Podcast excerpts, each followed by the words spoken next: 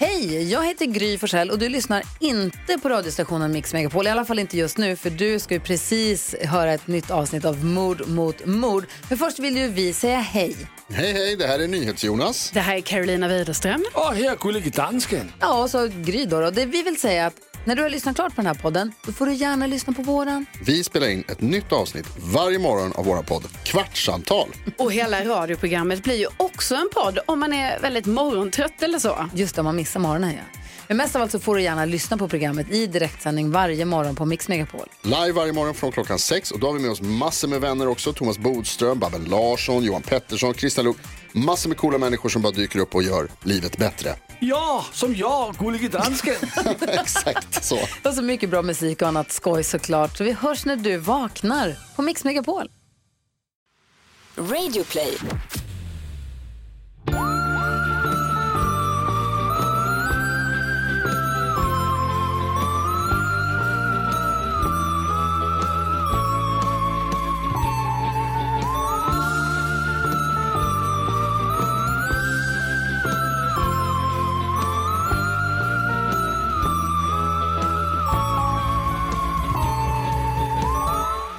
Är den andra julsången jag sjunger på idag. Santa Claus is coming to town. Okej. det hade varit så perfekt om Sigrid hade börjat rakt upp och ner gråta. Jag med att hon skulle stämma in. skrik. Nej, hon älskar när jag sjunger. Det är lätt för dig att säga. He sees you Eftersom when you're sleeping. Hon, kan, hon har ingen möjlighet att framföra sin idol gör din åsikt. Vi sjöng karaoke igår. Oh my god, alltså I'm a true entertainer on the... Ja, jävlar vad du kan komma. Min- Vad sjöng du för något? Min bästa, mitt bästa nummer tror jag var Chiquitita med ABBA. Chiquitita you and I know. Sjöng du med någon? Lovisa. Ja, det var starkt. Det var riktigt starkt. Otroligt. Kan inte du och jag sjunga karaoke någon gång? Jättegärna. Bra. Jättegärna. Bra. Vi var på ett nytt lite så här eh, trendigare ställe än vad jag brukar vara på. Det var det minst trendiga du någonsin har sagt. jag var på en ny trendig karaokebar. Ja men det är, ja, men det är en trendig Ja, karaoke. nej, jag fattar, jag fattar, jag Ja. fattar. Det är bara det att, eh, Men jag saknade lite det så här bläddra i pärmen-grejen. För här Ja. kunde man söka på alla låtar. När du och jag ska gå på K-karaoke, vi ska gå på riktigt sunkhal. själva eller? Alltså vi har Eh, ett, eget, rum, Ja, ja. bara vi två. Bara vi två. Kanske Sigrid. Nej. Nej, men vänta, hur mycket gillar hon när du sjunger igen? Ehm, just det här är mord mot mord. Ehm, vi har eh, A baby on board. Vi får se hur länge, hur det går. Ja, hon har varit, eh, hon var på strålande humör innan, men sen så fort vi skulle börja podda, Hon är så jävla attention seeking. jag vet, hon är ingen murderino. Nej. Ehm, Hur är läget? Du, ja men det är bra. Eh, Du, var, du har varit på möhippa. Det har jag. Eh, En av mina bästa kompisar ska gifta sig, eller skulle gifta sig i april i år. Nu ska hon gifta sig i maj nästa år. Ja. Och eh, vi var av, lite olika anledningar tvungna, eller tvungna, vi skulle ju ha en möhippa för henne också i mars som var. Men eh, eh, nu hade vi, eh, nu hade vi hennes möhippa i helgen. För att eh, den andra tärnan ska flytta eh, om två dagar. Så vi var liksom tvungna att speeda upp processen lite. Eh, men det var så kul. Eh, vi hade så roligt. Ge, kan du ge en, eh, en topp? Toppgrej på helgen, eller? Ja, exakt. Ja, men det måste väl varit när vi åkte rullskridskor. Rullskridskor. Eh, mest för att alla såg så jävla dumma i huvudet ut. Alltså alla var så... Det var någon slags eh, roller derby situation fast typ i en gympasal. Alltså vi kontaktade en roller derby-förening och frågade om de ville ha kurs med oss. Ja, det ville de. Det ville de. Absolut inte. Men ni dök upp ändå. Så, så då hade de ehm, hyrt eh, gympasalen på Norra Real. Alltså fy Kul, fan man har glömt hur det luktar i en gympasal. Ja, Alltså. fy fan det är inte bra du. Vidrigt. Alltså vet du vad, den bästa doften man kan få tag på där, och det säger mycket, det är typ sån Axe Africa. Ja, Det är det alltså best case scenario. verkligen. Och det här var Worst det. case scenario. Alltså det luktade så apa verkligen. Vet du vad, en av de äckligaste dofterna som finns. Sån gympamadrass. Det var exakt det jag sa, jag bara minns du hur det luktade när... Du, tänkte, du kommer ihåg när man liksom tog ner dem och de välte ner? För då var det som att det var så här, Och då kom det som en puff av, alltså åratal så mycket svett. av svett och av ångest, av typ att kanske så här, några typ sådana nykära typ hånglar på en lite hemmet. Ja, det är inte bra, det är inte bra. Nej, men, vi blev, men man blev också lite nostalgisk. För det var någon som sa så här, kommer du ihåg när man drog ut de här grejerna, liksom de här som gjorde, liksom skapade, alltså du vet man kunde dra ut som så här träpinnar från väggen typ. Ja, ja, ja, ja, ja. Det, var så- det var så en happening när det hände. Ja. Och det var typ så här, också roligast som fanns, eh, gunga i ringar. "Nej, det tyckte inte jag var så kul. Eh, Vad tyckte du var kul? innebandy. Nej men alltså, för att vi hittade innebandyklubben så vi började alltså spela innebandy på rullskridskor. Alltså de tyckte typ vi var dumma i huvudet, de som hade roller derby, för att vi, vi liksom, Och hade de fel i sak? kanske inte. Men vet du vad jag blir sugen på nu? Och jag vet att du absolut inte kommer vilja vara med på det här. Testa. Du vet också hur enormt jag svag jag är. Eh, jag är så sugen på att dra ihop ett gäng som spelar innebandy då och då. Vet du vad? Nej men du kanske vill det här förresten, du har ju varit eh, Jag är- lacrosse, Landhockey. landhockey. Lacrosse hade det varit. Wow. Ehm, men ja, men vet du vad jag hellre skulle vilja göra? Nej. Alltså typ att man spelar så spökboll och så. Ja, fett kul. Men Men alltså, man kanske kan ha... man kanske kan göra både och. Alltså det du vill ha, det man vill ha är väl egentligen typ så här gympalektion förutom att typ eh, Någon det gym- kommer ingen sån 30 år äldre man och ska tvinga en att typ dansa pardans. Nej, eller sätt. typ att man inte är med massa killar som är så bra på en sport och sen så känner man sig själv att man är så här, jag skulle vilja göra, alltså, vi, vi, vi, vi tänker det här, vi är, liksom, jag skulle vilja göra det här med några tjejkompisar. Ja. Och sen så spelar man innebandy eller spökboll i en timma. Sen Japp. så duschar man i det här äckliga omklädningsrummet. Japp. Och sen så går man och äter lunch typ och dricker vin. Kul ju. Men gud, Så härligt. det här är det mysigaste idén någonsin. Mm. Vi gör det nu. Fuck den här podden. Verkligen. Nej, men, och, och för först var det typ att jag bara, man kanske kan spela en gång i veckan och så insåg jag att det är jättemycket. Men man Men kanske, kanske kan en gång i månaden. Exakt. Eller typ en gång varannan månad. Men Bara ha det som Jag tror att det är någon slags jag- återkommande. Jag tror att det är jätte, jättejobbigt att eh, spela eh, innebandy en timma. Så man kanske ska ha två olika. Ja. Alltså man kanske typ har spökboll som uppvärmning exempel. Ja. Alltså, Min mamma hade en elev här en veckan, eh, förra veckan som, prosit Sigrid. Oj, oj. eh, som fastnade bakom en ribbstol. nej men jag orkar inte. Det kanske vi också skulle kunna, Alltså hur liten är man om man fastnar på. bakom en ribbstol? eh, tillräckligt, inte tillräckligt liten tydligen. Alltså min mest rörande historia är när min pappa hade börjat skolan. När de hade sagt så här, när hans fröken, alltså min pappa började i skolan då 1944 typ. Så hade hans fröken sagt så här, då så ses vi alla efter lunchen och alla ska samlas vid sin ribbstol. Och sen så vågade min pappa inte gå till skolan på på typ flera dagar. För att, som innan min farmor bara, varför vill du inte gå till skolan? Och han bara, jag har ingen egen ribbstol. Kul, om det var liksom så här, man måste med sig pennfack, eh, miniräknare Eh, och en ribbstol. och en ribbstol. Ja. Och sen var det ribbstol på det. Härligt ju. Mm. Ja men bra, jag kan tänka mig, um, japp. Eh, men det var kul. Men jag kan tänka mig att vara med på det här vill Ja. jag säga. Ja, jag anmäler mitt, och vet du vad man gör sen? Nej. Efter lunchen och vinet? Nej. Karaoke. Eh, ja, Eh, ja. okej. Fan vet du vad, snart ska vi ha Ann, Annas och Karins dag. Ja. För det blev aldrig av när vi skulle ha det sist. Men varför var det? Var det Sigrids fel eller? Antagligen. Antagligen. Sigrid. Sigrid. God damn it. Men det ska vi ha. Kul. Bra. Jag ser fram emot det. Och den, den kanske avslutas med middag med våra pojkvänner. Det kan ni göra. För att den blev inte heller av. Oscars fel. God damn Alltid någon i din familj som ska komma i vägen. Verkligen. Vad är det ni vill? Ehm, Ja, eh, vad tänkte mer? jag på? har du sett något? Har du hört något? Ehm, nej, jag har inte hört den. Där, gud, jag måste börja sluta tipsa om saker som jag inte har liksom, Och det är ju konsumerat risky. Det är det Men verkligen. jag kommer ändå sticka ut hakan med det här. För jag eh, hörde i morse på Nyhetsmorgon att Hans Rosenfeldt har släppt en ny bok. Så att jag har liksom sökt upp den i min BookBeat-app och ehm, har den som lyssnande. Oh, nice. Just det, vet du vad vi ska säga? Nej. Om eh, det, hallå, det finns en möjlighet att vissa av er eh, lyssnar på det här avsnittet när det är tisdag. Just det. Det känns lite speciellt tycker jag. Eh, det är för att vi har då ett samarbete med Podplay som är en ny podcastplattform där man en sajt och en app som man kan, kan liksom lyssna igenom. Och om man skapar ett konto där som är gratis och loggar in eh, så kommer man kunna lyssna på våra avsnitt redan på tisdagar. Vilket ju Det är är... eh, jätteotroligt. vilken game changer. En Alltså, hel dag. En hel dag En hel förväg. dag tidigare. Eh, så det vill jag bara säga. Bra att du, bra att du kommer Ja, ihåg jag det. inte kom på det. Det var bra. Ska vi bara... Vi kör bara, Ja, eller? nu gör vi. Ja. Ett poddtips från Podplay.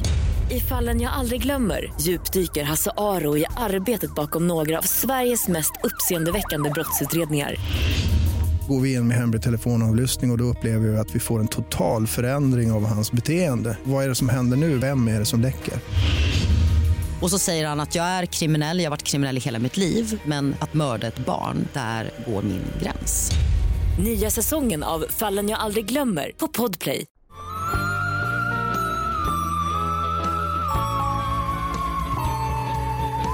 Novi Ligure är en stad i nordvästra Italien, en dryg timme med bil norrut från Genua. Rakt in i landet liksom. Eller rakt upp på, i, berg, kanske. Jag vet inte. Ehm, den här staden är framförallt känd för sin chokladproduktion. Eh, det finns två stycken stora chokladproducenter ehm, i stan. Den största gör den så kallade Novi-chokladen, vilket verkar vara lite mer som chokladkakor. Och den andra heter Pernigotti.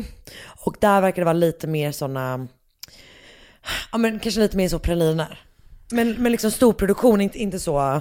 ehm, Finpraliner. Jag tror att de är fina och jag tror att det är, jag tror att det är fin och god choklad. Men det är inte det att de är liksom en liten, du Nej, fattar vad jag menar. Jag tycker inte om praliner. Jag vill ha ful choklad. Marabou, schweizernöt. Eh, Ja nej men alltså all choklad man vill ha är ju sån som är typ i en eh, adventskalender. Ah, så jävla gott. Det är, så jävla, det är ju knappt choklad. Kommer du ihåg dem? Det är eh, bara lycka i bit. Åh gud, nu blir jag sugen på godis. Vad vill du säga? Kommer du ihåg? Det fanns några så här små choklader som var typ, ehm, ehm, det var inte Kalle Anka på, men de var så här små med seriefigurer på. Som var typ lite så här Just det. torr fast den var ändå asgod. Kommer du ihåg dem? Vill du veta eh, den konstigaste chokladen jag någonsin ätit? Ja. Min hamsters hamsterchoklad. man var ju så jävla starved på godis när man var liten. Verkligen. Så bara var Jag chips, min hamster chips här och åt choklad varenda jävla dag som jag i och för sig gav henne. Tänkte jag så här, ja, de kallar ju det choklad. Kan Ja, det vara? mm. Jag Vet åt hundchoklad. Det var ju det var inte så olikt. Alltså jag vet inte, jag har aldrig faktiskt tagit reda på vad det var i för att jag typ inte vill veta det. Vi kanske, Vi hoppar det. vi släpper det. Tror du hamster och hundchoklad är samma sak? Säkert. Men vet du vad jag fick höra igår? Nej. Det här är faktiskt jävligt äckligt. En kompis till mig, hon hade tappat en bit choklad hemma hos en em, kompis när hon var liten. Tagit upp och stoppat i munnen och det var alltså kattbajs.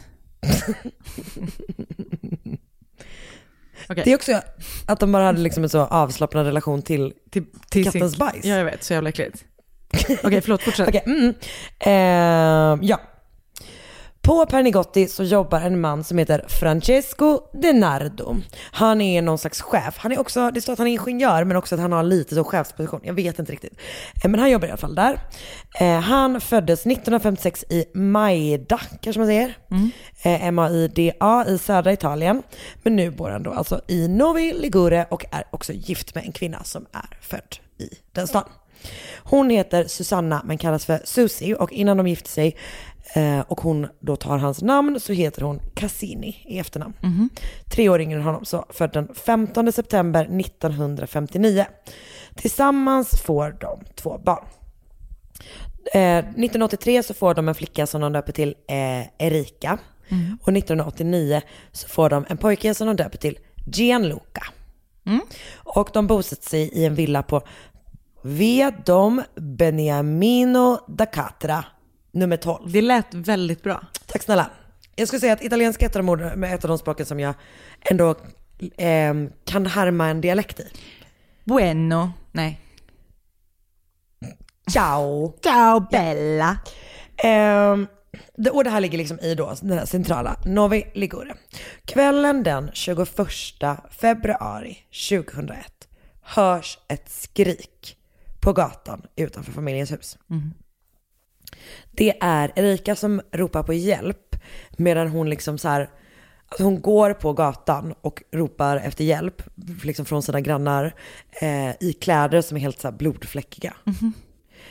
Och när hon så väl får kontakt med en granne berättar hon att någon har attackerat hennes mamma och hennes lillebror. Okej. Och ber dem liksom att så ringa polisen. Det här är vad, eh, vad som har hänt liksom den, här, den här kvällen.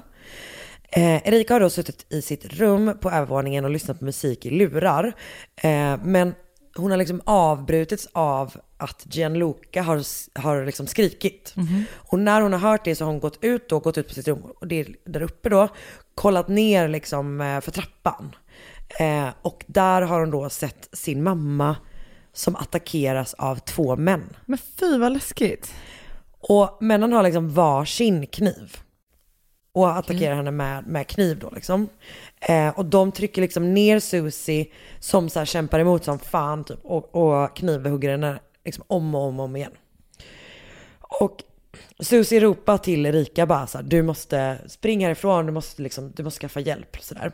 Eh, och det är efter att hon har gjort det som Erika då springer ut genom garaget, ut på gatan och det är liksom då, då som eh, hon uppmärksammas av, av grannarna. När polisen kommer till platsen så är de här gärningsmännen förstås, de har ju dragit liksom. Eh, men scenen som de lämnar efter sig i den här villan är alltså fruktansvärd.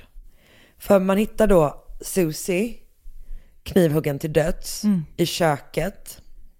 Ehm, men man hittar också i ett badrum på övervåningen 12-åriga Gianluca knivhuggen han också. Eh, och han är också död. Och pappan, var är han? Pappan är inte hemma.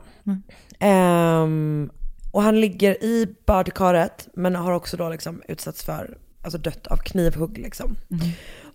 Tillsammans har de mottagit 97 knivhugg. Så det är så fruktansvärt övervåld liksom. Alltså innan, som sagt, Francesco är inte hemma. Ja, antingen, det finns två olika, det står två olika saker på olika ställen. Antingen så jobbar han över, eller så är han och spelar fotboll. Okej. Och han har liksom inte hunnit hem innan det här typ börjar kablas ut på italienska nyheterna. Eh, och det blir liksom början på en så här super, super intensiv mediebevakning av det här fallet. Ehm, och en grej som verkligen så gör att folk fascineras av det här fallet är att det här är en så enormt vanlig italiensk familj. Alltså det är en pappa då som är så här, han är ingenjör, han liksom utbildar sig och han jobbar på den här fabriken då. Eh, han har en bra stabil karriär. Det är en mamma som är liksom homemaker. Hon, är, hon är superdedikerad till sin familj och sina barn och liksom sådär. Eh, de har två barn, en flicka och en pojke. Båda två är liksom så här välartade. Det är så håller på med någon, standard. alltså det är verkligen standard, exakt. Eh, de har ett, bor i, ett, i en villa i en vanlig italiensk stad. Alltså allting är verkligen så här super, men bilden av en vanlig familj tror jag. Det är så här, du vet, de, de bråkar med, för eh, Erika är 16 när det här händer. Och de bråkar till och med på liksom så här vanligt tonårssätt. Hon har någon pojkvän, hon vill ha mer frihet, hon blir arg på sin mamma. Alltså du vet så här, det är liksom standard så himla mycket. Och nu har något helt, helt oförståeligt liksom hänt den här familjen i deras egna hem liksom. Ehm, det, jag tänker typ som, eh, du gjorde ett fall här eh, ganska nyss där det var liksom så här en flicka som typ blir så hela, hela bygdens. Everyone's dotter. Typ. daughter. Ja, exakt. Det här är liksom anyone's family på något Mm. sätt. Ehm, en annan anledning till att den här händelsen får liksom så enormt mycket uppmärksamhet är för att det hänger ihop med liksom strömningar i landet under den här tiden. Italiensk media har eh, rapporterat ganska mycket om inbrott som eh, är utförda av invandrare. Okay. Och ofta eh, från länder då öster om Italien, typ Balkanländerna ganska ofta. Eh, och när Erika då ska beskriva de här två männen som hon har sett, för hon har ju sett dem liksom. Så säger hon också då att, de, att hon bara såhär, jag tror att de, de kom kanske från Albanien typ. Jag tror att eh, hon har något med det här att göra. Tror du att hon har något fuffens? Ja. Något fuff? Vi återkommer. Hon har något fuff, fuff, fuff.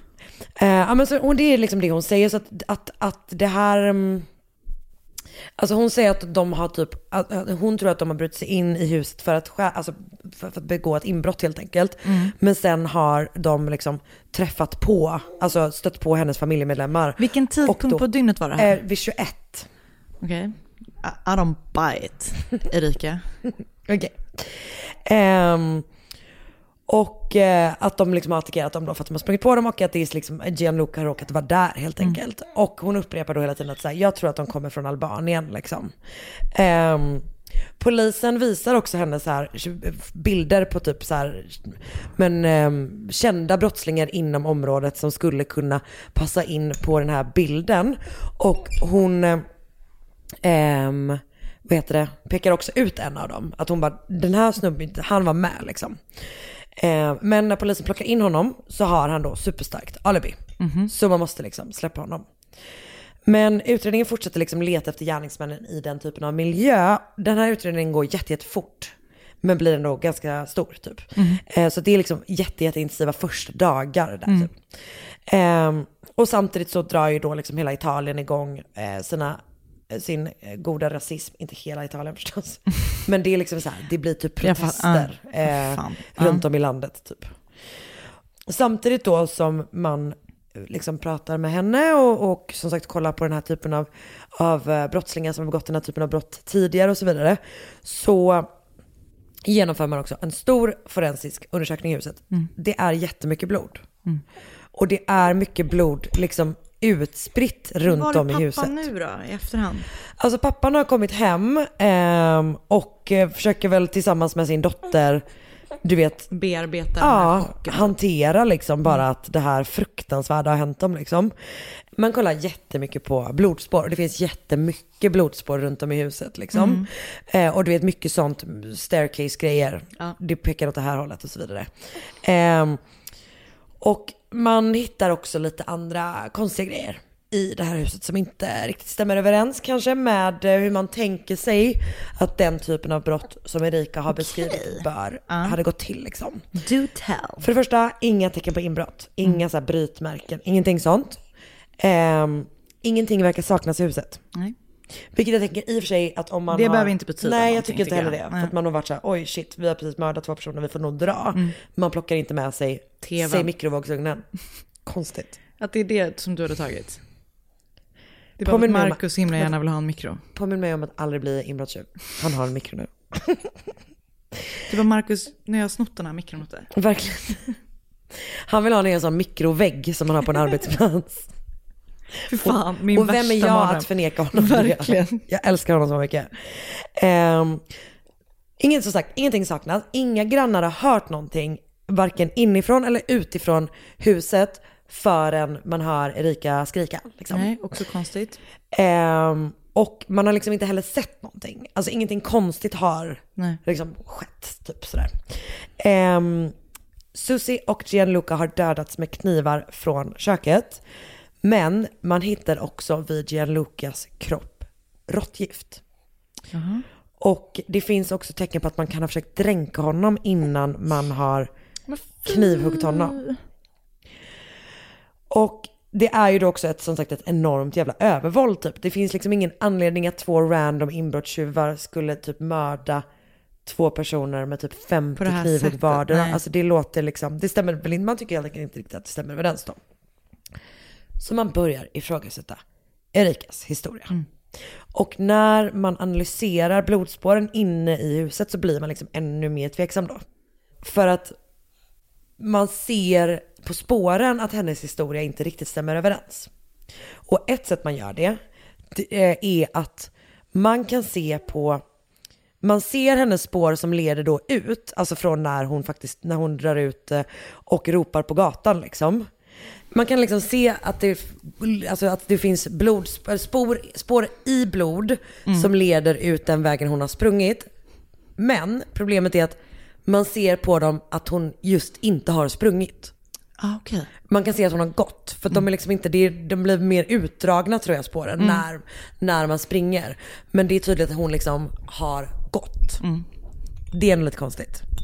Kan man tycka. Eh, det är väldigt konstigt. Ja. Ehm, nu dyker också a new person of interest upp i Jaså? den här utredningen. Hennes pojkvän. Hennes pojkvän. Han heter Mauro Favaro, men kallas av någon out- outgrundlig anledning för Omar. men jag tycker att det är så konstigt så att jag tänker envisas på att kalla honom för Mauro hela tiden. Men alltså fallet är alltså, alltså han kallas för Omar över överallt. Vad sjukt. Ja, jag vet inte varför. Och uppenbarligen tänker jag inte göra det. Nej. Jag vet inte. Ja. Mauro Favaro är ett år äldre än Erika. han är alltså 17 år gammal. De har blivit extremt nära varandra under deras relation. Alltså det låter ju, det bör man ju bli under en relation. Men de har blivit onaturligt nära varandra. Men du vet, jag tror, det här är min egen, liksom, min egen tolkning av det här. De har blivit ehm, den typen av lätt ohälsosamma relationer som lätt uppstår i tonåren. Ja. Där man är så här, det är vi mot världen. Man Ja. bara, nej det är det inte. Den det är ni sorten. mot er tonårsångest som ni försöker låtsas som att ni kan reda ut åt varandra. Ja, men, Så bara, ni är kommer liksom, nog göra slut om några år ändå. Alltså jag är ledsen att säga 100 det, men. Nej men verkligen, verkligen. they känner jag probably ofta. will. Ja, verkligen, verkligen. Ehm, så att de är liksom så här, de har då, det har sagt varit lite bråk i den här familjen i och med att eh, alltså Erika har helt enkelt blivit liksom tonåring. Hon och Mauro verkar dra sig undan tillsammans ganska mycket. De röker lite weed. Ibland kanske de tar kokain. Okej. Polisen är väldigt tydliga med att de inte är narkomaner. Mm. De är mer recreational use Okej. för 16-åringar. Mm. Ehm, och eh, Erikas betyg har också blivit allt sämre Mhm. de senaste två åren innan det här händer. Mm. Och det är liksom en, en sån här källa för bråk inom familjen. Men åt, det här är inga, det är inga stora, det är inga konstiga grejer att Nej. typ bråka om när man är i den åldern. Jag såg också en dokumentär om det här fallet och då var det också att de sa om den här Mauro. Eh, alltså um, Susie är ju liksom, hon är väldigt, väldigt delaktig i sina barns liv på ganska många olika sätt. Mm. Och jag tror att det är också kanske därför som det blir extra jobbigt, extra bråkigt typ. Mm. Men eh, Mauros mamma beskrivs som en person som, de bara, hon hade inte så bra koll. Hon kunde låta dem vara eh, en hel eftermiddag på hans rum. Man bara, okej. Det låter helt normalt. Eller? Det låter verkligen helt normalt. De är 16 och 17 år gamla. Mm. Så jag tyckte att det, känd, det var onödig mom-shaming Verkligen. av Mauro, vill Mm. jag bara säga. Mauros mamma. Ehm, ja, nu ska vi se. Polisen tycker som sagt att det är något weird med Erikas historia och bestämmer sig för att börja utreda det spåret liksom parallellt. Och återigen, vi är alltså en, två dagar efter att det hänt. Ja, det går så Jätte, fort. Jättekort Ja. tid. Ehm, det enda problemet är att de har ju, de hittar liksom inget direkt eh, motiv Nej. för att hon ska ha mördat sin mamma. Mm. Alltså absolut, de har bråkat, men som sagt. Det gör man ju. Men framförallt så finns det ju inget motiv för varför hon skulle ha mördat sin lillebror. Nej. De har är liksom en bra relation, de har alltid haft en bra relation, typ att han så här, har skrivit någon sorts skolarbete. vilket Nej, om sin stora Ja, och du vet att han bara, she's my, ah, nej, det han skrev inte på. Eh. Ella är... Ah, Emilia eh, ragazza. Nej, det är också flickvän, det blir fel. Eh, men att han är såhär, det är, hon är min bästa kompis typ. Och de har inte bråkat. Så det finns liksom inget Nej. motiv liksom. Ehm, men det de gör är att de förhör eh, Erika och Mauro tillsammans först. Mhm. Men sen så, och då typ tror jag att det stämmer överens ganska bra liksom deras historia. Men sen så separerar de. Ehm, och tar dem och pratar med dem var för sig liksom. Och då börjar det liksom så här, det är små saker Mm. som krackelerar så de, det inte riktigt stämmer överens liksom. Men polisen får sitt stora genombrott i den här undersökningen, utredningen, när de sammanför det här paret igen i ett liksom typ som väntrum. Mm. De två i ett rum. Eh, mellan två förhör. De är bara så här, ja ah, men vi kommer prata mer med er snart. Tills vi ska göra det så får ni vara här. Mhm. De har myggat upp hela rummet. Gud, får man göra det? De har kameror, alltså dolda mikrofoner, dolda kameror, allting. Är det ens legal? Jag vet inte. Jag vet, jag vet inte. Uppenbarligen är det det här. Mm. Men jag har också gjort andra fall tidigare. Jag gjorde ju det här, eh, vad heter hon, Jara-fallet Just det. i Italien. Och där buggar de ju också För det tror inte typ jag, tusen det tror inte jag man får göra i Sverige. Nej, inte bara så rakt upp och ner. Nej. Det tror inte jag heller. Ehm, men det gör de i alla fall här. Italien, vilket jäkla... What a country. Verkligen. Jag lyssnar fortfarande på den här helt tokiga Berlusconi. Men Podden. just det, just det. Den är jättebra. Mm. Och jätte, den heter Bunga Bunga. Just det. Mm. Ehm, så att de sitter i det här rummet då eh, och börjar prata med varandra. Mm. Och de pratar på. Det står liksom väldigt, väldigt snabbt, super, super klart att det är Erika och Mauro som har dödat Susie och Gianluca. Och de har gjort det tillsammans. Alltså de är, de är så öppna med det här under det här samtalet som ändå sker på en polisstation. Mm. Alltså, Då har, precis, då hade man kanske försökt viska och prata lite i kod. Ja, eller bara vänta lite grann. Alltså du vet så här, eh, nej nej, ehm, eh, Erika visar typ, alltså hon typ gör, alltså hon målar upp en liten scen. Eh, Spelar upp en liten scen där hon knivhugger sin mamma och är så här bara, jag högger henne här och här och här och liksom Gud vad sjukt. mimar knivhugg. Ehm, som en, ja men som sagt som en liten, som en liten scen. De pratar typ igenom hela brottet. Alltså de bara, ja och sen hände ju det här och sen hände det, bara sa du. Jag antar att det de gör är väl kanske att de jämför historier för förhöret med att de är såhär, jag sa det här, vad sa du? Alltså sådär Ja. liksom. Men, men det som händer är alltså att de typ rakt upp och ner berättar exakt allting som har hänt liksom. Vad sjukt. Ehm, och det tillsammans då med en ordentlig forensisk undersökning, eh, som sagt att man kollat mycket på de här blodspåren och så vidare, så land, har polisen landat i följande händelseförlopp. Vid halv åtta den 21 februari 2001, på kvällen alltså, kommer Susie och Gianluca hem och Gianluca har varit och spelat basket. Så han går upp på övervåningen för att han ska, om han ska duscha eller ta ett bad. Men han ska liksom, han, han kommer direkt från träningen typ. Så han går upp dit. Och eh, samtidigt som han gör det så är Susie i köket och Erika kommer in där. Och de börjar då bråka. De bråkar om Erikas betyg som har liksom bara blivit sämre och sämre och sämre. De pratar också, bråkar också om att eh, Susie tycker att hon har eh, dåligt umgänge. Att hon har hamnat i liksom dålig krets typ. Och ehm, sen plockar Erika upp en kniv. Och knivhugger sin mamma. Vad när hon gör det, Ja. då kommer Mauro Favaro. Av en slump. Nej, han har gömt sig på en toalett. Ah, Så har de planerat det? Det är det här som är väldigt Ja. oklart. Vi kan prata mer om det sen. Ehm, för att han är ju där och det första han gör är att han går rakt in, du vet, plockar också upp en kniv. Jag tror till och med att han redan har handskar på sig. Fan vad sjukt. Eh, och tillsammans då så attackerar de liksom hennes mamma. I det här köket typ. De har varsin kniv och är båda två typ lika delaktiga i mordet. Åtminstone i själva utförandet liksom. Båda två genomför den här attack- attacken. Erika, det här tyckte jag bara var en eh, liten så faktabit som jag bara tyckte, jag vet inte, jag tycker jag gjorde någonting. Erika höjer radion, alltså volymen på radion. För att man inte ska kunna höra någonting utåt. Och det kan man se för att det finns liksom hennes fingeravtryck i blod. Nej. På typ volymkontrollen på radion. Fy fan. Ja, jag vet. Men det som händer är ju då att Gianluca hör ju att det är någon, alltså någonting som händer helt enkelt. Han kommer ner i köket. Och han ser ju typ lite grann så här det som Erika beskriver för polisen först att hon såg. N- Två personer attackerar hans mamma. Men när han liksom kommer ner och inser att Det är hans, det är hans syster. syster och hennes pojkvän liksom.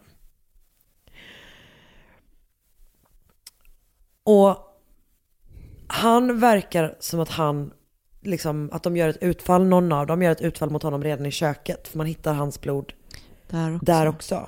Men sen springer han upp på övervåningen. Och låser in sig på toaletten eller om han du vet, liksom, försöker gömma sig sådär. Råttgiftet då? Ja. Det är det här, och jag tror att de har nog inte sagt någonting om det här, men det som är polisens teori är att alltså Erika, efter att de är, har avslutat sin attack på Susie så går de då till Gianluca och går in till honom i badrummet och försöker då tvinga honom först att, Dricka ju. Ja. Eller äta råttdjur. exakt. Fy vad läskigt. Och när det inte funkar så försöker de då dränka honom i badkaret. Men han liksom så här kämpar så jävla mycket typ. Han verkar som att han, han biter eh, Mauro så himla hårt att, alltså så han, han biter liksom igenom så att man har, jag tror att man har hittat Mauros blod på liksom brottsplatsen också. För att han har bitit igenom huden typ. Så att han kämpar så jävla mycket och till slut då så släpper de, eller slutar de försöka dränka honom och knivhugger honom istället helt enkelt. Liksom. Och efter det så pratar de igenom sin historia. De hinner ändå fram till att diskutera vad de ska ha på sig på begravningen. Men fy. Ehm, och börjar också då prata om vad de ska göra med Francesco, alltså Erikas pappa. För hon vill mörda honom också. Men Mauro säger att han är jättetrött. Han orkar inte det. De har ju verkligen varit så här, alltså du vet det har ju varit som intensiva slagsmål typ. Alltså det har ju varit liksom ganska långa processer och, och, och um, väldigt, väldigt intensiva attacker typ. Så han, han är så här bara, ja, jag är ledsen men jag orkar inte rädda din pappa idag. Jag orkar verkligen inte det. Fy fan. Och de bara, ja men okej, vi struntar i det. Han går ut bakvägen strax innan nio. Tio minuter senare så sätter då Erika igång sin föreställning. Där hon ropar på hjälp från grannarna. På kvällen den 23 februari, alltså bara två dagar efter morden, häktas Erika och Mauro. Och efter det så börjar liksom deras, för, och så här är det fan alltid. Det går ju skitsnabbt så börjar typ deras relation fallera. Alltså att de håller på att vända sig mot varandra. Det, varje gång man hör om sådana här historier Ja, så är det så är det alltid, alltid så. så. Att de är, så här, de är typ rädda, beredda att mörda för varandra tills de faktiskt har mördat för varandra. Mm. Alltså det, då är det liksom... Ehm, så att de, eh, polisen upptäcker först att, att Erika har försökt kontakta eh, Mauro i häktet för att de ska kunna prata ihop sig. Så då flyttar man henne till ett annat fängelse. Och efter det så börjar de liksom så här skylla på varandra och förminska sin egen roll i, ehm, i de, det här eh, dubbelmordet. Man genomför rättspsykiatriska undersökningar på båda två. Det visar att ingen av dem lider av liksom en svår psykisk störning, men Mauro har drag av dependent personality disorder, eh, som på svenska verkar heta osjälvständig personlighetsstörning. Ehm, och, så han har det. Och Erika har drag av narcissistisk personlighetsstörning. Så du fattar ju att det här i kombination, Ja. inte ultimat. Nej. Francesco, alltså Francesco Denardo som är då Erikas pappa, Mm. står vid sin, syster, eller sin dotters sida hela tiden. Är det sant? Först så tror han då på hennes initiala historia, där att, att hon har med, med inbrottstjuvarna. Sen är han övertygad om att det bara är Mauro som har gjort, liksom gjort det här brottet.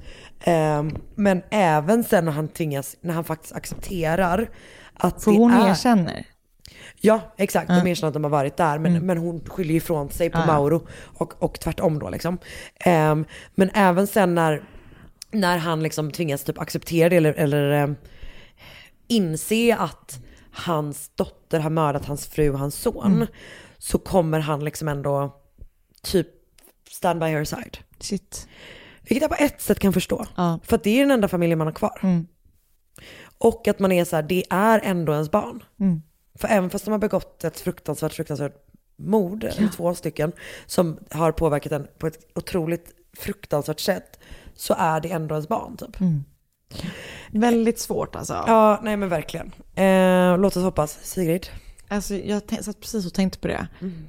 Tänk om Sigrid Möjligtvis är det ju att folk runt omkring henne dör sötdöden. Men så... Karin raggar på dig. Mm, nej, problematiskt. Som kompis. Som cool aunt. Ehm, ja, han ser i alla fall till att Erika får typ så jättebra försvarsadvokater och sådär.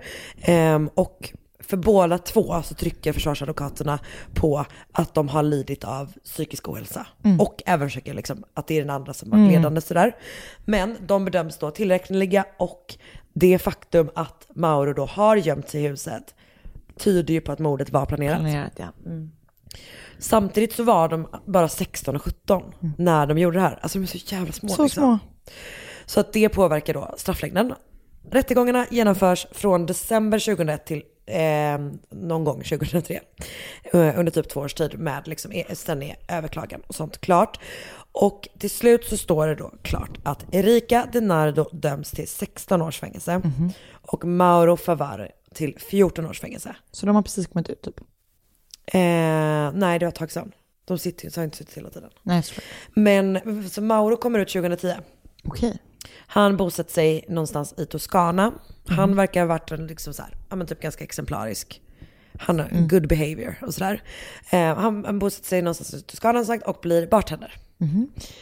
Året efter så kommer Erika ut och hon har då pluggat filosofi och har typ tagit någon examen under tiden i fängelset. Eh, hon har bland annat jobbat i en musikaffär. Jag vet att hon har, senaste nyheten om henne, som är från typ förra året, för typ ett år sedan, det är att hon har gift sig. Liksom. Okej. Och hon är ju då, nu ska vi se, hon var född 84. 83. 80, han 83, hon 84 tror jag. Okej. Så Jag kan ha mycket väl ha sagt fel. Så att de, hon är ju 36. Shit vad sjukt. Ehm, de verkar inte som att de har haft någon kontakt alls. Ehm, och typ att så här, Mauro sa redan, jag antar att det är under, liksom, eh, under förhandlingarna om huruvida han skulle släppas ut eller inte, att han är så här, jag vill inte ha någonting med henne att göra. Nej. Bara sådär. Och det verkar inte som att de har det. Ehm, Erika är fortsatt supernära med sin pappa. Han har gift om sig. Jag tror att hon har, efter att hon kom ut från fängelse så flyttade hon in med honom och hans nya fru. Och eh, jag vet om att han, han säger att han har liksom förlåtit sin dotter. Och motivet är bara att hon var arg på sin mamma typ eller? Alltså det här är det som är sjukt med det här, med det här fallet. Att det är ju det som inte är fastställt. Nej. Det finns typ inte ett motiv. Alltså förstår du? Äh, nej, jag förstår. Och det, det- liksom är, det är helt, det är helt galet. Men det det de var som- heller inte, de var inte, de är liksom så här drogtestade, det finns ingen så här att de Mm. har liksom, inte för att jag tror att man, det är inte supervanligt att man typ Nej. tar, röker på direkt. Nej. Men, men liksom så här, det, inte, finns ingenting, det finns ingenting sånt. Som sagt, de är tillräckliga på alla sätt. Det är så jävla jävla konstigt. För det är det som gör, alltså det, jag förstår vad du menar, så här, ja, man kan förstå att pappan typ står kvar vid sin dotters sida, men det känns så läskigt när man typ inte har fått något motiv, utan att det bara är som så här, typ att man mördade för att det typ, För att man ville det. för att man ville. Och hon har också, hon hade också under en ganska lång period att hon typ fortsatte skylla på Mauro. Men nu verkar det som, jag läste en intervju med en präst som hon hade träffat på i fängelset. Eh, och att hon typ har gjort, för det är också det som är grejen när man är 16 år gammal. Ehm, man kommer inte från a life of crime direkt. Eh, det kanske är, eller jag tror ju på rehabilitering i allmänhet såklart. Liksom. Och att det kanske framförallt i det här fallet också handlar om att de två råkade träffa varandra. Ja. Nej, det är ju måste, det är ju något som uppstår uppenbarligen mellan två personer när sånt där händer. Det är så läskigt. Det är skitläskigt. Ehm, jag vet att Francesco, åtminstone under en period, han verkar som att han verkligen försökte bara så här behålla sitt normala liv. Alltså bodde kvar i huset. Åh gud. Trots att så här, dottern är i fängelse och det här fruktansvärda De har hänt där. Liksom. Ehm, jobbade också kvar på chokladfabriken. Perfekt. Ja. Det är inte ett jobb man ger upp i första Nej, taget. verkligen, verkligen sant. Chokladingenjör. Mm. Jag har sett ett avsnitt av Evil Up Close som heter The Teenage Killers. Mm. Jag har läst en bra artikel av Irish Times, av alla, jag vet inte, ja, som har rubriken Are Teenagers, just det, det, här, det, är- det är typoid i rubriken. Det står så här, Are Teenagers Erica and Born Killers? Så att de har glömt hans namn. Eh, jag läste en La Repubblica-artikel med rubriken Ora il padre ha capito che Erika è colpevole. Den är skriven bara två månader efter eh, det här har hänt och handlar just om så här att han har varit tvungen, att pappan har, hans, hennes pappa har varit tvungen att inse att så här min dotter har gjort det här liksom. Eh, och typ ehm, att han är, han är ganska mycket så, du vet så stiff upper lip, eh, keep calm and ca- carry on person verkar det som liksom. Ehm, jag har också läst en artikel på i Il Messaggero. Mm, vill höra, nu kommer det riktigt starkt. Erika Denardo sposata e laureata. La nuova vita e lo scandalo silenzioso a Novi Lig- Ligure. Som är från förra året då och är typ så här. Hon eh, har tagit examen och gift sig. Det finns liksom typ paparazzi-bilder på henne från nu. För att det- hon i det här fallet blev så jävla jävla stort. Och det blev också jättemycket fokus på just henne. Som en sån farlig förtappad tonårsflicka. Typ. Mm, jag fattar. Jo, så ehm, Wikipedia förstås.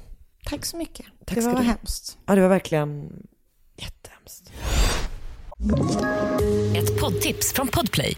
I podden Något Kaiko garanterar östgötarna Brutti och jag, Davva, dig en stor dos skratt.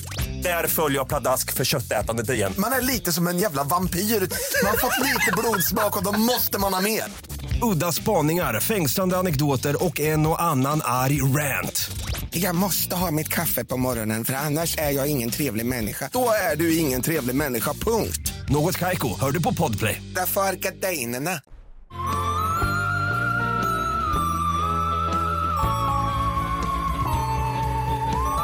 som du vet så har ju jag eh, typ alltid på tvn hemma. Japp. Och en eh, kanal som går varm här hemma är ju nu eh, Investigative eh, Discovery-kanalen. Japp. Och eh, det finns verkligen högt och lågt där. Och häromdagen så... Mycket reenactments va? Så otroligt, alltid det. Ah, alltid älskar. reenactments. Och häromdagen satt jag och ammade och så, så bara, du vet, den stod på, så var det ett program som heter Blood Relatives. Ehm, och så därifrån har jag fått dagens fall. Ah. Och en sak som jag har tänkt på när jag kollat på den här kanalen är att eh, det typ är en och samma voiceover. Och det låter som eh, den berättarrösten i Desperate Housewives. Så det är som att alla brott typ eh, eh, utspelar sig på Wisteria. Lane. Men det, det gör inte det här Nej, fallet. nej. Det känns också som, för den, den som jag lyssnade på den här Evil Up Close, eller kollade på. Det går också där på Invest. Ja det är det, för där, där är den här brittiska rösten. Mm. Det finns en sån klassisk brittisk manlig, manlig crime-berättarröst också. Så man bara, du vet att han kanske typ gör så, the crimes that shook Britain. Ja, nej okej, den- det kanske inte går förresten. Det kanske bara är amerikanska program. Ja. Ehm, okej. Familjen Santa Guida bor i Evergreen i Colorado. Mamman och pappan, som heter Richard och Helen, eh, är läkare. Och pappan var läkare som sagt och han arbetade med alternativ medicin. Och eh, han är Till typ så vilken extent? Nej men han typ, mycket Mariana eh, och han är så här, ja, liksom typ, alltså jag vet inte om det är örtmediciner, men han liksom testar olika grejer och han är så här, framtiden finns inom alternativ medicin. Ja. Och Helen som då också var läkare, hon arbetade på ett apotek som jag förstår det. Gud. Men som läkare. Jobbigt inom familjen. Verkligen. Den ena, from, the, from nature. Verkligen. Den andra, Men han är from the läkare. pharmacy. Ja, jag vet inte. Flummigt. Men de har tre adoptivbarn. Mm. Eh, Zachariah, han kallas för Zack. Eh, Rebecca, som kallas för Becca. Och Elizabeth, som kallas för Libby. Och de här tre adoptivbarnen har adopterats från familjer som typ har haft det tufft. Så de verkar ha kommit till familjen Santa Guida när de typ inte har varit liksom spädisar utan typ lite större. Och till exempel Libby då verkar typ ha haft någon slags kontakt med sin eh, biologiska mamma. Ehm, och de andra barnen vet jag inte. Men, men så att ehm, ja, de, de liksom har varit där från att de var små barn men Mm. inte bebisar. Nej. Helen hon beskrivs som en så här matriark som du vet, håller ihop familjen och som du vet så här är ja, en Stark. stark och väldigt närvarande mamma. Typ. Ja. Eh, så Zack, han var då eh, mittenbarnet. Eh, han var vid det här tillfället där vi är nu, vilket är 2010, eh, var han 18 år gammal och han var typ så här en väldigt en storvuxen, snäll, lite tyst kille som eh, beskrivs som typ en ensamvarg. Han, eh, har också, han beskrevs som en, eh, av en granne som the gentle giant. Det är väldigt roligt när jag läste igenom eh, när jag läste igenom mitt manus så hade jag skrivit han beskrevs som the gentle lion. För att jag tänkte på, du vet, Sebastian. Nej, det, det är inte, nej, det är, det är hästen förresten. Nej. Det, vad heter han? Det, det, the friendly lion. Nej, okej. Ehm, han beskrivs i alla fall som gentle giant, Ja. inte the gentle lion. Lion. Eh, han älskar att laga mat. Han har lidit av depression och ångest och har ADHD och eh, har genom åren ätit så väldigt, eh, alltså han har medicinerat för det här liksom, väldigt mycket. Och det är hans mamma som har både diagnostiserat och typ medicinerat honom. Eh, han, Alltså Helen. Helen, precis. Ehm, han har, när han har ett år kvar till sin examen så hoppar han av skolan och vill istället fokusera på att bli kock. Becka då, som var den yngsta systern, eh, hon eh, är 2010 16 år gammal. Hon är så två år yngre än Zack. Hon beskrivs som en old soul. Hon älskar poesi och är ehm, älskar poesi, hon älskar att läsa, hon älskar djur eh, och hon är så mycket mer utåtriktad än Zack. Hon ser också upp jättemycket till sin stora syster Libby. Och Libby är då äldst och hon är 2004 24 år gammal och hon beskrivs som en free spirit. Och det här är så sjukt töntigt men det här är alltså citat från eh, Blood Relatives. Ja. She dances to her own drum. Ah, Jag ska scrolla lite. goals. Eh, verkligen. Eh, hon är intresserad av konst och hon är så snygg och trevlig och snäll mot alla som hon möter. Och hon jobbar tillsammans med eh, pappan, Rick. Så de, hon jobbar också med att sälja medical marijuana. Ja. Libby har en pojkvän som heter Gregory och han är typ a farmhand. För de här, familjen verkar bo på någon slags, alltså de är ju inte bönder. Men, Men de kanske bor på någon de slags bor på gård. Mm. någon slags gård liksom. Ehm, och ehm, den här Gregory då, eh, han är en riktigt tuffing typ. Och ehm, Libby har någon gång sagt att hon är attracted to bad boys. Och den här Gregory är typ, han är så här tatuerad, spännande tuffing typ. Som jobbar med, alltså han är typ gårdskarl liksom. Ja. Familjen tycker inte om Gregory och... ehm, Men de har ändå honom anställd. Ja, men jag vet inte om han jobbar där eller om Aha, han är, nej precis, jag vet inte om han jobbar där eller om han bara är farmhand någonstans. För det här verkar vara typ en så här, Det är ändå eh, lantligt område. exakt. Ehm, eh, ja, de har jättesvårt för honom och eh, pappan, framförallt tror jag, men kanske mamman också, de, de är helt övertygade om att Gregory utnyttjar Libby för sex. Man bara, hon är ju, ja det kan man väl bli i och för sig hur gammal man än är, men Hon de kanske- gillar inte honom. Hon kanske bara. också vill ha sex. Exakt, för hon, det här stör jag mig lite på, men hon beskrivs som en väldigt sexuell person. För att hon typ har porr hemma och sånt där. Ja, hon är en... Ja. Hon är, Hon, En hon människa. vill ha sex. hon vill ha sex. Ja. Timmars arbetsdag. Vad sa du? Sex timmars arbetsdag.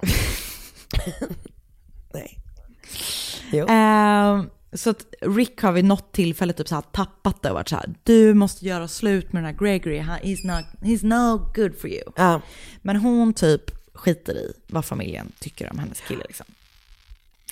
Men så, okej. Den 8 april 2010 ringer Becka till sin pappa klockan halv elva på kvällen. Han är på jobbet och eh, eftersom han jobbar tillsammans med Libby så, och Libby, eller så här, hon undrar när Libby ska komma hem. För hon är inte hemma. Hon bor fortfarande hemma, fast hon är 24 år. Ehm, så, hon, och hon, så hon ringer till pappan då som jobbar med Libby och är så här, vet du när hon kommer? Och då är han typ så här, nej men hon har inte varit på jobbet idag. Eh, så då bor hon så här, okej men då kanske hon har kommit hem. Bara att hon inte har hört det. För att eh, Libby bor som jag förstår det typ i källaren. Eller du vet, hon har lite, här, Jag lite tänk- eget. Ja, att hon har det. Att jag tänker att det är ganska lätt att man bor kvar hemma. När det är, man bor på en så stor Ja, gård, exakt. Att man har typ sitt egna space ändå. Liksom. Exakt. Ja. Eh, så hon börjar eh, leta efter Libby. Och eh, kort efter det här telefonsamtalet så kallas polisen till familjens hus på Hilltop Drive. Och när de kommer på uppfarten så möts de av Becka. Och eh, hon är helt skakad och upprörd och visar poliserna ner i källaren. För att där, eller när de kommer in där så det första de möts av är då att Libby ligger på botten av en trappa där. Helt livlös typ. Så Becka har hittat henne liksom jättekort innan och när hon har hittat henne så har hon varit, typ varit helt lila i ansiktet men typ ändå verkar typ vara vid liv. Ja. Men när eh, polisen kommer fram så andas hon inte längre. Och eh, vid första anblicken typ att de bara, hon verkar typ ha ramlat ner för trappan. Just det. Men det som är konstigt är att hon har uppknäppta byxor och lite så nedhasade byxor som man så ser hennes trosor. Hon ligger lite konstigt och vid närmre anblick så ser man att hon har också alltså, ligatyrmärken runt halsen. Så hon har blivit strypt. Så att man liksom direkt bara okej, det här är inte en olycka. Nej. Eh, så polisen är typ stänger av huset som en eh, brottsplats och de måste ju så här undersöka allting. Det de tycker är konstigt är typ att hela huset är alltså a mess. Det är typ skitstökigt överallt i hela huset. Men ja, så de vet, börjar systematiskt undersöka kroppen och huset. Och ehm, Libbys byxor är ju uppknäppta och ehm, så de bara, kan det ha varit, finns det ett sexuellt motiv bakom det här Ja. eh, mordet? Och när polisen undersöker Libbys kropp lite närmare så ser de att de också har någon slags, att hon har någon slags ehm, vätska på sin mage. Som de då tror är sperma. Så att de skickar den här sperman på testning. Ehm, och eh, hon, likstillheten har också satt in. Så att de är typ så här, hon måste i alla fall ha varit död i några timmar. Men hennes syster trodde att hon var levde. Ja, men det kan hon ju inte ha gjort. Nej, utan det måste bara ha varit att hon trodde det. Ja, Japp. för att, eh, precis. Eh, precis. Ja. Ehm, så att de börjar så här, vad kan ha hänt? Så börjar, börjar de så här, är det någon som har smitit in i huset? Är det någon som har haft span på Libby och typ visste att hon var ensam, eller vet, var i källaren Ja. själv där? Eh, är det Gregory?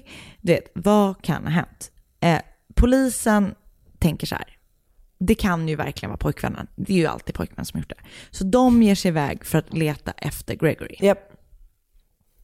När pappa Rick kommer hem då, för att han, de ringer ju hem honom och liksom Libby har dött. Så chockartat samtal. Han är typ helt galen när han kommer hem. Han är typ inte så ledsen utan han är Arg. arg.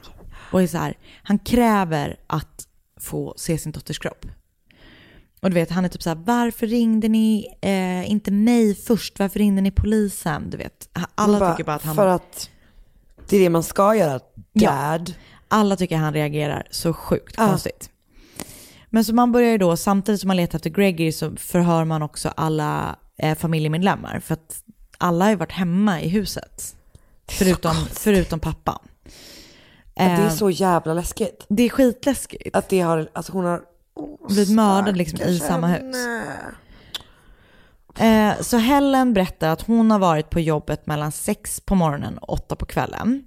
Och när hon kommer hem så har hon ätit middag tillsammans med Becca och det är Zack som har lagat maten till dem. Vilken jävla arbetsdag. Ja, Sex på morgonen till åtta på kvällen. ja. Eller om jag har slängt siff- om siffrorna. Åtta på morgonen till sex på kvällen. Låter mer Låter rimligt. rimligare. Så var det nog. Vet du vad, hon kanske jobbar jätte... Hon kanske dubbla, dubbla pass. Men hon kanske typ tog sig en löprunda innan, alltså hon kanske varit hemifrån. Jag fattar. Ja. Eller så har han varit på jobbet mellan Vi, åtta och sex. ja. Men hon har varit borta länge i alla fall då helt enkelt. ja, Sen hon kommit hem. så har hon ätit middag med sin dotter och sin son och Ja. det är Zack som har lagat maten. Ehm, Vad tror du Zack lagade för mat? en sallad. Var det det? Ja. Ah. Jag bara, innan hon har gått och lagt sig så har hon typ så tittat in till Zack i hans rum och sett att han låg där och sov typ. Och hon så här, godnatt, du vet, jag hade Ja. tänkt typ natta honom och så hade han, eller natta honom, han var ju 18, men. eh, eh, och hon bara så här, jag har verkligen ingen aning om vem som kan ha velat mörda henne, jag förstår ingenting. Zack berättar att han har varit hemma hela dagen.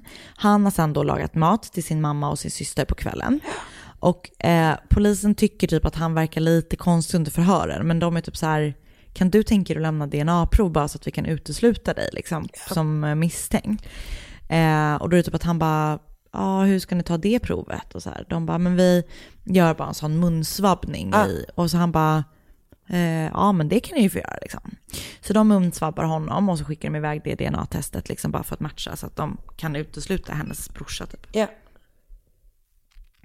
Becka, lilla systern då, berättar att hon har varit i skolan på dagen och att hon och Libby hade bestämt att de skulle kolla på en true crime dokumentär på kvällen. För hon älskar true crime. Så hon väntar på Libby på kvällen och när hon aldrig dyker upp så ringer hon till sin pappa då för att kolla typ så här för att hon kände sig väl typ lite stood up Ja. av hennes syster. Och det är då samma kväll som de andra äter sallad. Eller som hon också äter Som hon sallad. också sall- äter Just sallad. Mm. Men bra.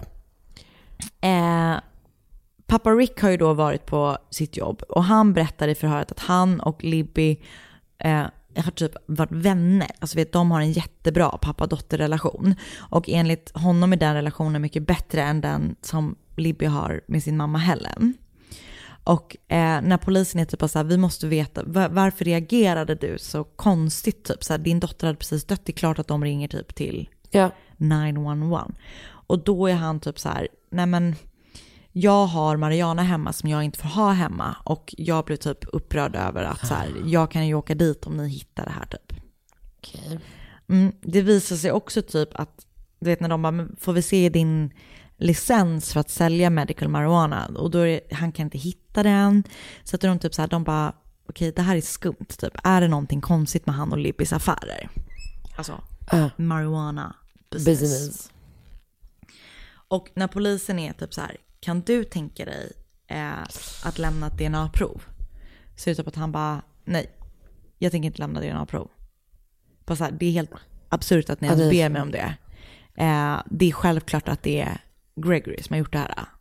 Typ, jag vill att ni tittar närmare på honom, ni får absolut inte ta bort det. Typ så. här. Eh, och polisen, Det är konstigt. Det är konstigt. Alltså att, att inte göra allting för att bara säga ja, det är helt absurt att så här, ni misstänker mig, men självklart kommer jag göra allting för att ni ska kunna avskriva folk snabbare så ni hittar gärningsmannen snabbare. Exakt, Ja. det är ju det normala Japp. att göra. Ehm, och polisen letar ju redan efter Gregory. Så de är bara så här, ja ja, Rick, we're on it. Ehm, men eh, de tycker också att så här, det är någonting konstigt med den här familjen. Det är liksom, de kan typ inte riktigt så här, ah, men det är någonting som inte riktigt stämmer. Men så till slut så hittar polisen Gregory. Och de kan typ direkt utesluta honom. Det, han är inte den skyldiga. Han har ett supervattentätt alibi. För att han har suttit häktad för stöld. Så han har alltså varit i häktet den kvällen hon har blivit mördad. Så smart Mm. att ha det alibit. Alltså så smart. Så skäl mer. åk, åk fast mer. Ja. Ja. Så han har suttit inne, eller han har suttit häktad. När det här har hänt. Ja, och Ja. typ du vet, så här, två dagar in. Alltså det är så här helt uppenbart. Han Japp. har absolut inte haft någon chans att mörda henne. Eh, och så, så för säkerhets skull så testar de hans DNA mot det som de har hittat på hennes kropp och det är ju inte hans. Jag kommer att tänka på att det, ja. Ja. Mm. Så han då utesluts som misstänks och då är polisen bara så här, okej, det är typ, det är inte han. Det är inte så troligt att någon har åkt upp, du vet de bor liksom Off. off. Mm. Det är inte någon som bara så här droppat in. Typ, det var för att eh, Zack berättade typ så här, eh, att dörren var olåst typ så här ofta. Så att han bara, det är ofta, no- det är klart att någon kan ha kommit in, vi låser typ aldrig vår dörr. Men polisen är ändå bara så här, det är inte så troligt. Det är inget ställe man bara råkar dra förbi liksom. Nej. Nej. Becka har berättat för polisen att Libby hade en flaska Jäger i hennes rum. Den har tidigare i veckan försvunnit. Och Libby har typ varit så här, vad fan är min Jägerflaska? Vem har tagit den? Och föräldrarna är typ så här, vi har inte tagit den, vi dricker inte Jägermeister. Och Becka är, har inte tagit den heller. Liksom, så här, de bara, polisen bara, det är klart att det inte är hon som har tagit den, för då hade inte hon typ Tagit upp den här. tagit upp Nej. det. Så de tänker då så här, det måste varit Zack som har snott den här spritflaskan. Japp. Så de börjar typ eh, fråga honom så här, är det du som har tagit den här flaskan? Och han bara, nej nej, jag dricker ingenting, det är inte jag som har tagit den. Och så är de bara så här, men är du säker? Det är, vem annars skulle ha tagit den? Det är inte dina föräldrar som har tagit den. Och det är inte Becka som har tagit den. Nej. Det måste vara du. Och då är det typ att han bara, okej det var jag som tog den. Och då är det typ att de ser som ett litet så window, att de bara, okej han har ljugit om det här att han inte dricker tidigare. Japp. Kan han ha ljugit om någonting mer? Så då är det typ att de bara, säkert kom igen, du vet någonting om vem som har mördat henne. Han bara, nej jag vet ingenting, jag, alltså jag har ingen aning, typ så här. Och de bara, men typ, berätt, du måste liksom så här, vad var din relation till Libby? Typ så här, vi vet att du har varit inne i hennes rum, varför var det det? Och då är han typ så här, ja men jag brukade vara inne i hennes rum, men det var bara för att typ titta på grejer, du vet. Eh, och då är det typ polisen bara så här, var du intresserad av din syster på, någon, på något annat sätt än som din syster bara? Och han bara, nej, nej, nej, jag har inte gjort någonting. Typ så här, det var inte jag. Jag, jag förstår inte vad ni menar. Eh, så då är typ så här, polisen bara, okej, du säger att du inte är skyldig. Men om du är skyldig så är det en tidsfråga innan vi får reda på det. 'Cause we got DNA. Men gud, just ja. Så då bryter han ihop och erkänner vad han har gjort. Han har mördat sin syster Libby. Men varför gav han dem DNA-prov från början? Ah. Ehm, jag vet inte. Han är väl liksom bara, tänker inte klart. Nej. Ehm, och ehm, polisen, eller han berättar då att den kvällen som han har mördat Libby Ja. så har han smugit sig in på hennes rum. Ah. Eh, han Och ska det är någonting han har sagt att han typ gör då. Gör ibland ja. Mm. Och han säger att han ska låna några filmer. Och jag tror att det här är porrfilmer. Och eh, Libby kommer då på honom. Så hon typ kommer in, skriker åt honom och bara vad fan gör du här inne och vad gör du med de filmerna? Lämna, alltså vet såhär, vad fan gör du? Och han blir typ då så rädd när hon skriker åt honom. Så att han tappar filmerna eh, och då böjer hon sig fram för att ta upp dem. Och då är det någonting som bara klickar i hans hjärna. Så att han, när hon böjer sig fram så eh, slår han henne. Med flaskan? Nej, bara liksom Ah, okej. bunk med handen typ. Oj. Och sen så, då bara faller ju hon. Och då stryper han henne och sen så då utför han sexuella övergrepp på henne. Eh, efter att han har mördat henne så går han och lägger sig och sover. Men vad i hela? För det var väl inte en människa som hade någon liksom eh, historia av typ att vara våldsam? Nej, ingenting. Eh, så han grips för mordet på sin syster då såklart och erkänner sig direkt skyldig. Ja. Eh, Zack tar en plea deal och han döms till 75 år i fängelse. eh, tydligen så visar han inte liksom särskilt mycket ånger alls, men enligt hans pappa så är, är, är det för att han har haft så här problem med att uttrycka känslor och det beror på hans liksom, kombination av diagnoser och typ Ja. hans eh, ganska liksom, kraftiga medicinering och sådär. Det är då pappans eh, Japp. uppfattning i alla fall. Eh, alla är då i to- total chock för att han var ju så en snäll, harmlös person och du vet så här, familjen är ju helt förstörd. Japp. Och pappan sa den dagen som domen föll, As the father of both the victim and the perpetrator, I'm obviously in a unique position. On that day, we, bo- we both lost two kids. The impact on our family is profound. Libby was the most affected, but all of our lives will never be the same. För det är just det här, vad gör man när Nej, ens nej, barn har gjort någonting så fruktansvärt? Men det är alltså, och det är typ den grejen som är så här, varför jag tror på Burke-teorin i Mm. John Benet Ramsey-fallet. Ja. Att Burke gjorde det Mm. och sen var de så här, vi kan inte förlora två barn. Nej. Så att nu kommer vi behöva täcka upp för det här. Ja. Men gud, det är typ som att vi Ja. har, eh, det var lite tema här nu också eller? Verkligen. Vi är så synkade. Jag vet, vi är verkligen det. Ehm, så jag har då sett dokumentären Blood Relatives, Home Sweet Homicide. Jag har läst eh, en artikel, eller typ ett inlägg på en sida som heter My Death Space. Eh, och så har jag läst en artikel som heter Details emerge in the death of Ever Evergreen Woman, brother held as, held as suspect av Kieran Nichols. Eh, Nicholson på Denver Post. Och sen är det Za- Zachariah Thomas Santagida, Mile High Murder number 82. Man arrested in the murder of his 24-old sister in Evergreen av Michael Roberts på Westward. Och sen Santagida sentenced to 75 years in sister's death av Vicky Gitz på Canyon Courier. Åh, gud vad sorgligt. Ja, väldigt sorgligt. Jag trodde verkligen var något fuffens med pappan där. Ja, man trodde ju det. Jag trodde också det. Ja. Det var twists and turns in this documentary. Verkligen. En oath in, the, in this podcast. Yes. Tack snälla du. Tack själv. Tack för att du också har hjälpt mig att vagga Sigge här nu. Hon verkar vara Ja, bra. men jag har ju sådana bra barnabärarhäften. Verkligen. De är Alltså hon sitter riktigt som en fina. soffa på mig. Tack för att ni har lyssnat den här veckan också. Ja, tack underbara. Gå med i vår härliga Facebookgrupp. Eh, kolla vår härliga merch på podstore.se. Japp. Eh, önska fall av oss på Instagram där du heter att Karin Londer och jag heter att Sandell Anna. Och kom ihåg som sagt att om ni vill lyssna Just på det. podden en dag tidigare så blir ni medlemmar på Podplay. Bra. Vi hörs. Det gör vi. Hej! Ett poddtips från Podplay. I fallen jag aldrig glömmer djupdyker Hasse Aro i arbetet bakom några av Sveriges mest uppseendeväckande brottsutredningar. Går vi in med hemlig telefonavlyssning och, och då upplever vi att vi får en total förändring av hans beteende. Vad är det som händer nu? Vem är det som läcker? Och så säger han att jag är kriminell, jag har varit kriminell i hela mitt liv men att mörda ett barn, där går min gräns. Nya säsongen av Fallen jag aldrig glömmer på Podplay.